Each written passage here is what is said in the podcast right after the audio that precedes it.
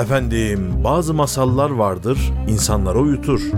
Bazıları ise uykudan uyandırır. Ben de böyle masalları bendeniz gibi gece kuşları için derleyip ara sıra burada seslendirmeye gayret edeceğim. Şimdiden uyanmak isteyenlere günaydın, uyumak isteyenlere iyi uykular.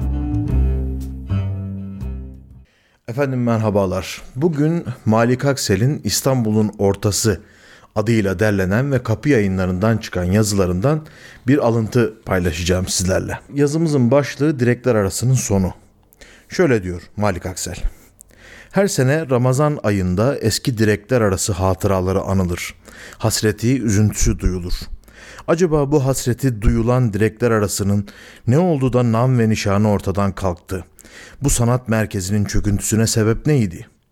Direkler arasını içine alan Şehzadebaşı'nın bir bölümü olan bu yolun en parlak devri 1908'den önceye rastlar. Her ne kadar o zamanlar istibdattan söz ediliyorsa da Abdurrezzak ile başlayan tülüat oyunları Türk temaşa sanatına her çeşit yenilikler getirdi. Bu arada İbiş tipinin de unutulmaması lazım. İlk zamanlarda kökü orta oyununa dayanan bu sanat tarzı Kavuklu Hamdi'den pek çok şeyler almıştı. Bu devir büyük üstadların son devriydi. Yalnız tiyatroda değil, sanatın diğer dallarında da yenilikler yapılmıştır. Sadece Türkler değil, Ermeni, Rum sanatkarlar da Türk sanatını benimsemişlerdir.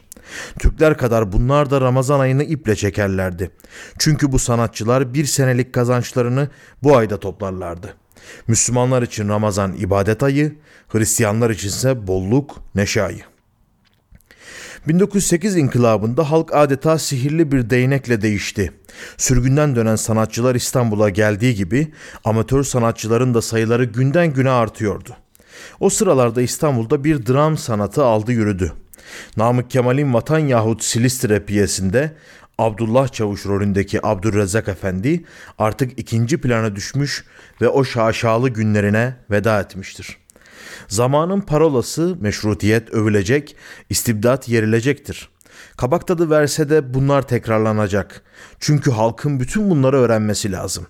Tabii bu konularda da komiki şehirlere iş düşmüyor. Bu ilk hız sona erince 1910'da direkler arasının tarihi direkleri yıkıldı. İstanbul'un Türk sanatını tutan bu direkleri elektrikli tramvay uğruna feda edildi. Yol açıldı ama direkler arasının da sadece adı kaldı. Bu yol özelliğini hatta güzelliğini kaybetti. Mimari şekli bozuldu. Fakat zamanla buna da alışıldı. Eskisi gibi geleneklere bağlı oyunlara devam edildi. 1919'da direkler arası bir daha sarsıntı geçirdi. Rusya'dan vapur dolularıyla gelen Vrangel orduları döküntüleri daha İstanbul'a varır varmaz açız, bize ekmek verin diye bağırıyorlar, yüzüklerini, bileziklerini satıyorlardı. Yüzyıllar boyu Türklerin kuyusunu kazan bu millet bu defa Türklere avuç açıyordu. Üzerinde ne varsa öylece kaçmışlardı. Hele kadınlar pislikten, sefaletten bitlendikleri için saçlarını kökünden kesmişler, sonra da ne buldularsa başlarına geçirmişlerdi. Halk o zaman farkında değil. Buna Rusbaşı demiş, İstanbul hanımları da böyle renk renk örtülerle bu göçmenleri taklit etmişlerdi. Hatta omuzları yırtık elbiseler bile çabucak moda olmuş, yırtık omuzlu elbiseler yayılmaya başlamıştı. Bu olay o devrin karikatürcülerine dahi sermaye olmuştur. İstanbul'a plaj modasını da bu Rus göçmenleri getirdi. Denizden kaçan İstanbul halkı bu defa Flüriye'ye koştu. Çünkü burada yarı çıplak Rus dilberleri vardı.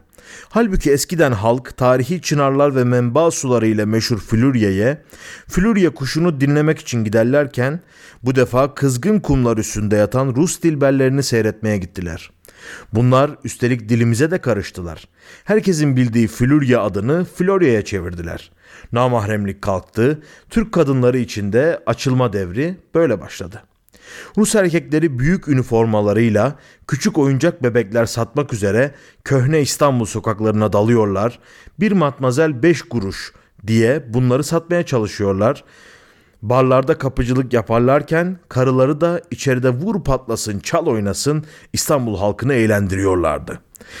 Eğlence yerleri bütünüyle bunların istilasına uğramıştı.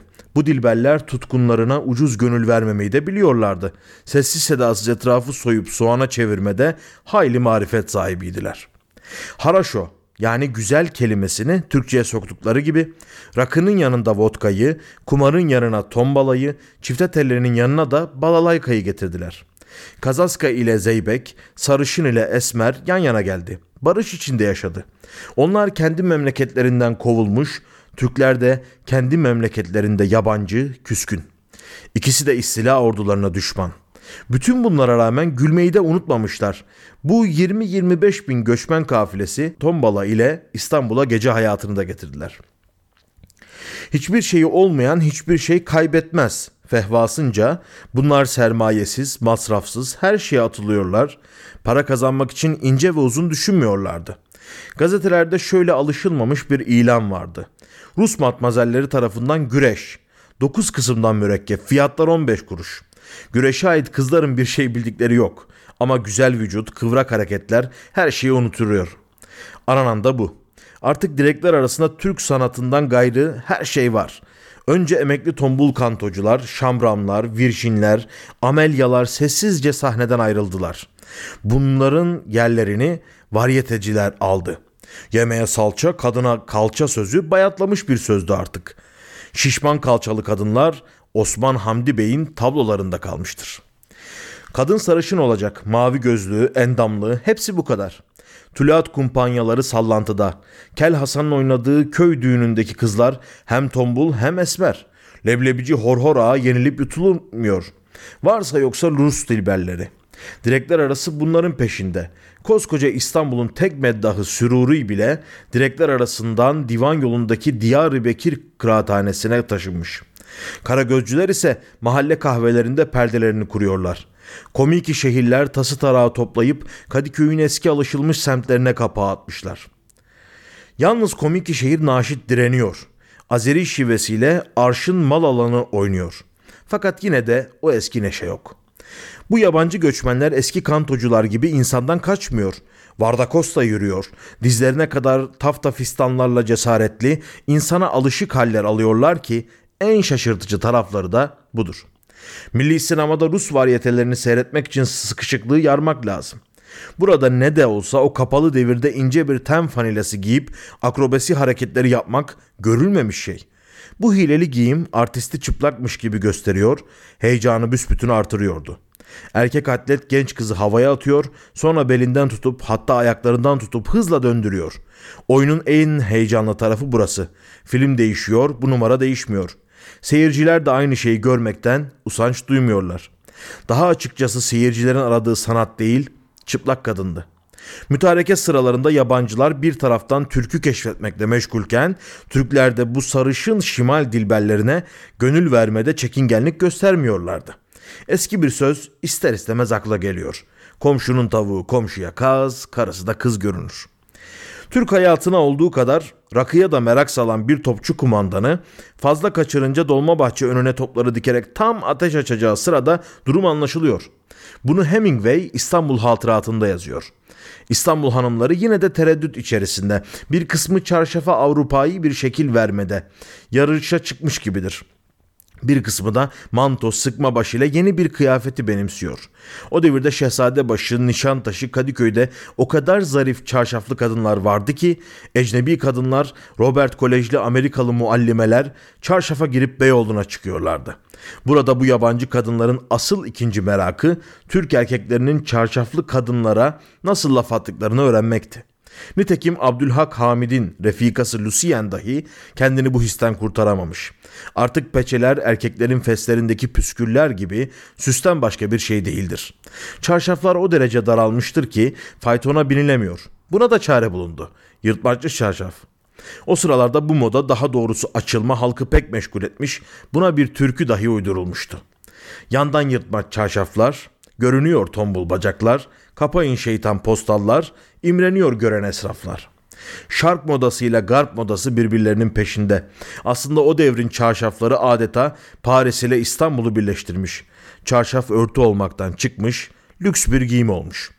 Rus ressamları kraldan çok kral taraftarı. Bunlar tiyatroları, sinemaları, pastaneleri, eski sadabat manzaraları, eğlenceleriyle donatıyorlar. Harem hayatı, eski yaşmaklı kadınlar gibi şark modası resimler bunlarla İstanbul'a geldi. Bu arada sanayi Nefise Mektebi'ne de el attılar. Bu göçmenlerin kolayca para kazanma yollarından biri de modellikti. Bunlar bu boşluğu doldurdular. Hele Nina denilen sarışın el üstünde tutuluyordu. Namık İsmail, Çallı İbrahim, Feyhaman Duran hep aynı modelden resimler yapıyor. Galatasaray sergileri ananevi manzaralardan sonra bunlarla doluyordu. Bu tarihlerde yalnız direkler arası değil, birçok şeyler değişti. Hele zenginlerin aşk maceraları.